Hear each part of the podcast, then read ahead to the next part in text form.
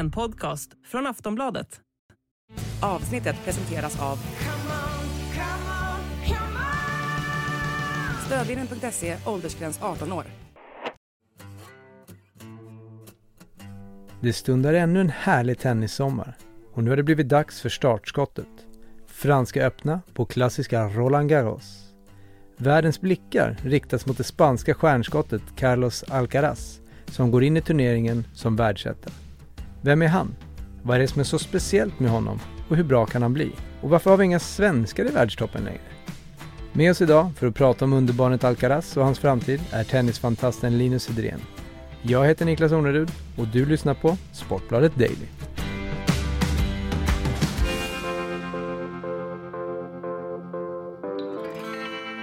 Idag ska vi prata om Carlos Alcaraz eh, och Linus, eh, kan du börja med att berätta, vem är han?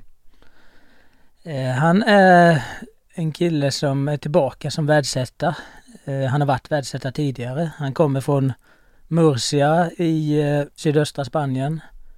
Född 2003, fyllde nyligen 20 här i 5 maj. Det är väl kort kan man säga. Han är ju bara 20 som du säger Ja. och har gjort egentligen en rekordsnabb karriär. Vad är det som gör honom så bra? Det är väldigt mycket eh, såklart. Man blir inte världsetta hur som helst. Så är det. Eh, Men eh, en utmärkande egenskap tycker jag är att han verkar ju knappt kunna bli nervös. De allra flesta spelare kanske eh, ser ju ut att när det drar ihop sig så tvekar de och blir nervösa. Att Alcaraz är ju snarast tvärtom, att han spelar som bäst när det gäller som mest.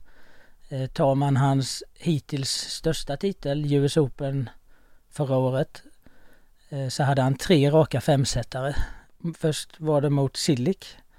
Sen var det mot Sinne där han hade i fjärde set en matchboll mot sig. Och sen var det semifinalen mot eh, Tiafoe. Alla de tre femsetarna så låg han under med break i sista set men eh, vände och vann. Sen i eh, finalen mot Kasper Rud då stod det 1-1 i set och eh, då räddade han två setbollar och den ena gör han en fantastisk eh, räddning på den. Den andra fick han lite billigt eh, och sen gick det till tiebreak.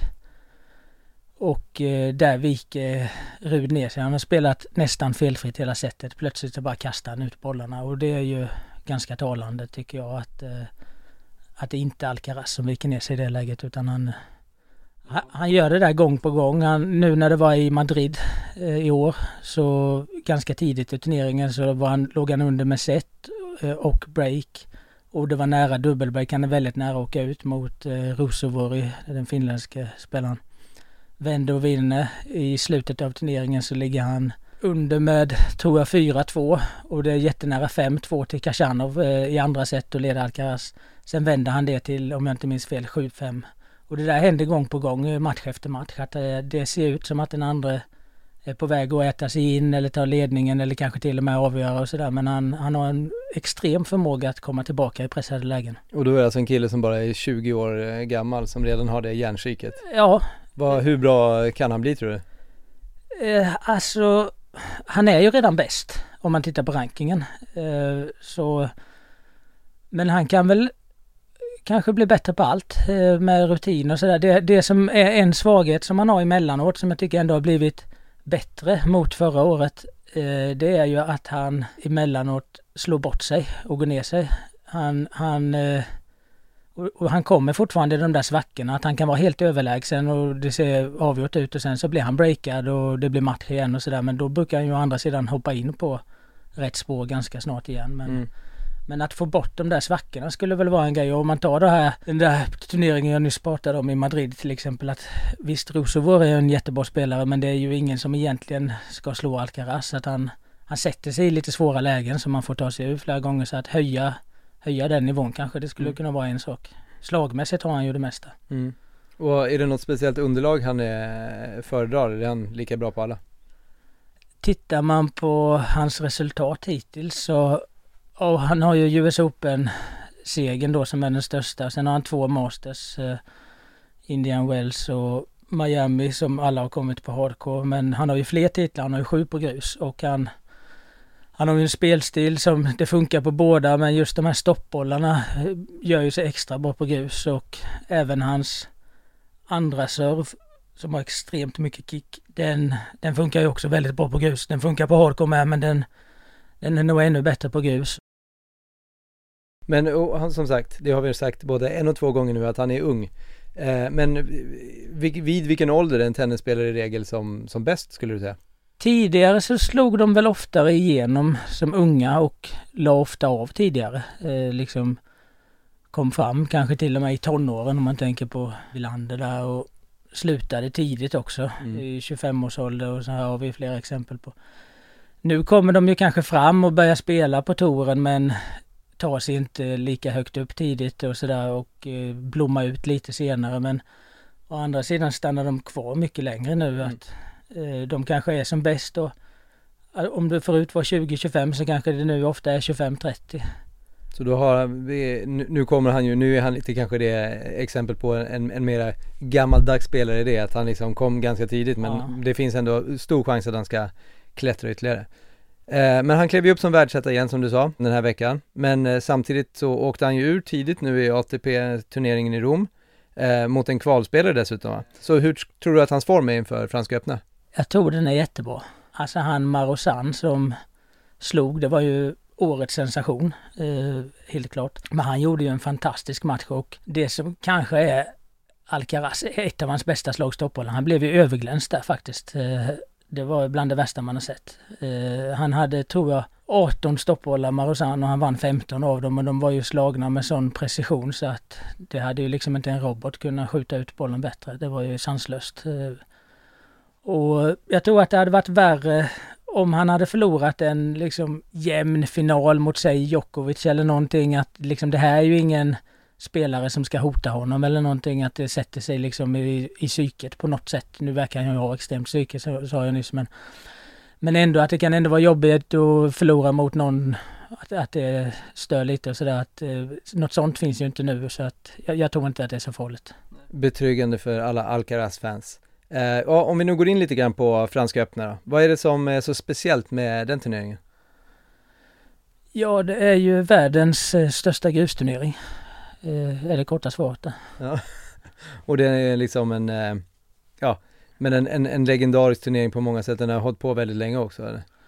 Ja, det har den gjort. Eh, den har ju fått, kallas ju för Roland Garros, eller området heter Roland Garros. Det kommer från en gammal flygare eh, som var med i första världskriget. Och det där har de ju fransmännen, eh, om man tänker på ett annan, en annan stor travhändelse så är det ju Prix d'Amérique. Det har ju också namn efter första världskriget eh, som tack till amerikanerna har ju det gett namn sådär.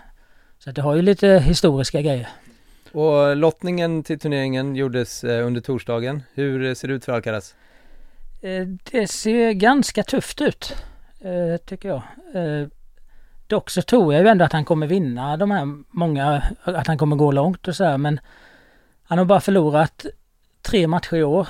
Eh, en av dem som, då beror det på hur det går, men om man kollar på ranken som man kan få möta så är det ju Norrie till exempel som han förlorade mot i Rio var det väl i finalen. Men då hade han ju nästan bara ett och ett halvt ben Alcaraz i den finalen. Han blev skadad där och var ändå nära att vinna. Men, men det, är, det är en ganska avig och jobbig spelare och skulle det inte bli Norrie där, då är vi inne i fjärde rundan. Så kan det vara Musetti, eh, italienaren, och han har ju också väldigt hög högsta nivå. Han har ju pressat Djokovic och Tsitsipas de senaste upplagorna i, i Franska öppna. Eh, sen nästa runda så ser det ut att bli antingen Tsitsipas, eh, Felix och Cher Aliasim eller Korda. Och eh, Tsitsipas kanske ses som det tuffaste namnet där men Alcaraz har ju haft extremt lätt för honom och vunnit alla gånger. Mm. Eh, Felix har han förlorat mot men han drog sig ur nu om det var i Lyon eller någonting med lite skadekänning. Och har ju inte visat form och Korda har ju också varit borta en del så äh, det ser väl ut som att han ska kunna ta sig till åtminstone semi och då väntar enligt ranken troligtvis Djokovic eller Rublev. Och det är där det blir kanske extra spännande om det ställs mot Djokovic redan i semifinalen. Det skulle ju, de har bara mötts en gång hittills i karriären.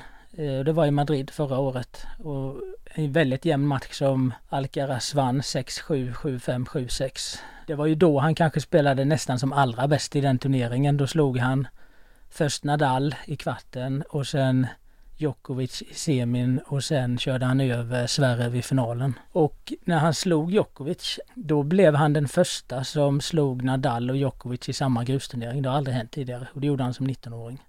Säger ganska mycket om dels Alcaraz och även om de andra två, att de aldrig har besegrats i en turnering, grusturnering tidigare. Nej, precis. Tennisen har ju dominerats av, av de två, eh, men även av Federer nu under de senaste årtiondena. När vi summerar eh, Alcaraz karriär, tror du att han kommer vara lika stor som de här tre ungefär? Det är jäkligt vanskligt att säga om. Han har ju inlett bättre än någonsin kan man säga, för han, han blev den yngsta världsettan genom tiderna när han gick upp förra året som 19-åring då. Eh, så han har ju börjat väldigt bra, men det är ju långt kvar. Alltså han har en Grand Slam nu. Eh, Djokovic och Nadal har 22. Eh, Djokovic kan ju fortfarande ta fler. Det kan ju Nadal göra också om han skulle komma tillbaka. Men så det är ju långt kvar men han har börjat bra och sen gäller det att undvika skador och så vidare. Eh, Nadal i och för sig har ju kommit ganska långt även om han har haft en del skador. Nu mm. är han skadad. Men eh, ja, jag kan säga så här.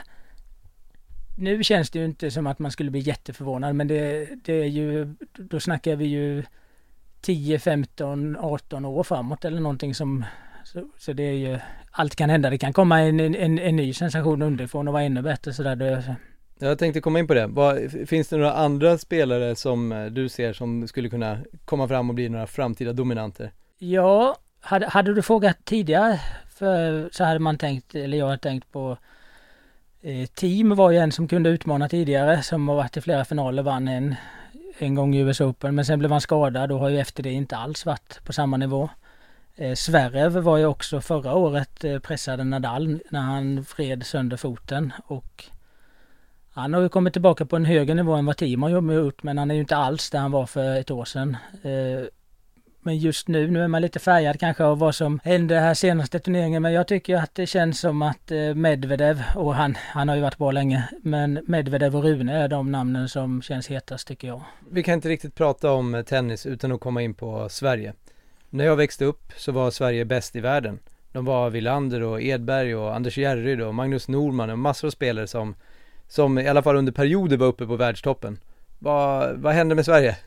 Ja, vad hände där? Det, det finns säkert hur många delförklaringar som helst till varför det har gått som det har gått och sådär. En sak man kan lyfta fram tycker jag det är ju att då var tennisen inte lika global som den är nu. Och man kan, man kan göra en parallell med damfotbollen tycker jag här. Mm. Att eh, om man vrider tillbaks klockan en, runt 20 år så var Umeå bäst i världen på klubblagsnivå på mm. damsidan. Eh, Sverige var i VM-final, det var väl 2003 i USA, förlorade förlängning var mot Tyskland.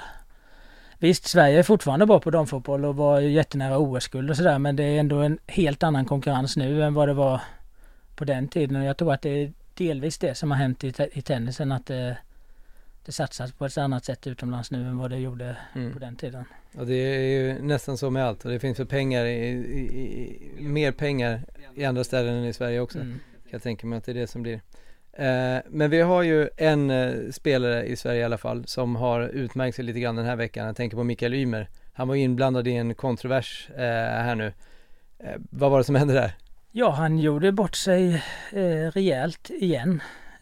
Det är ju tyvärr inte första gången han har gjort sådana här saker. Han har jag såg honom en gång i Stockholm Open när han slog sönder racket och bar sig väldigt illa åt och US Open var det här för något år sedan som man också var nära att bli diskad och slog sönder racket och gnällde på allt och alla. eller var nära. Och, och nu, nu gav han ju nästan sig på domaren. Han gav sig på domarstolen men det, alltså det, det här var ju ett snäpp värre. Och eh, jag hoppas han blir avstängd för detta. Eh, Sverige gjorde en liknande grej här för ett år sedan och fick ju då någon villkorlig dom med avstängning och böter. Men jag tycker att eh, förbundet här skulle sätta ner foten kraftigare så att eh, man kan man visar att man tar det här på riktigt allvar och, och så här kan det inte gå till alltså.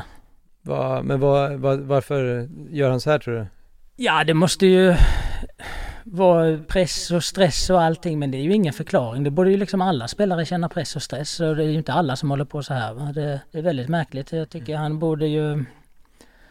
Det kanske han gör, jag vet inte men uh, han, han, ser ut att behöva hjälp av någon mental coach och något liknande. Alltså. Mm. Och så kan det såklart vara. Men eh, om vi går tillbaka till eh, Carlos Alcaraz och eh, Franska öppna. Kommer han ta hem det här tror du? Ja, jag tror nog det faktiskt. Då så, då får vi se hur det går här sen, så får vi ställa upp dig till svars här sen. Jag tackar dig Linus jättemycket för att du var med i Sportbladet Daily. Gracias. Och tack alla lyssnare också. På återhörande. Du har lyssnat på en podcast från Aftonbladet. Ansvarig utgivare är Lena K Samuelsson.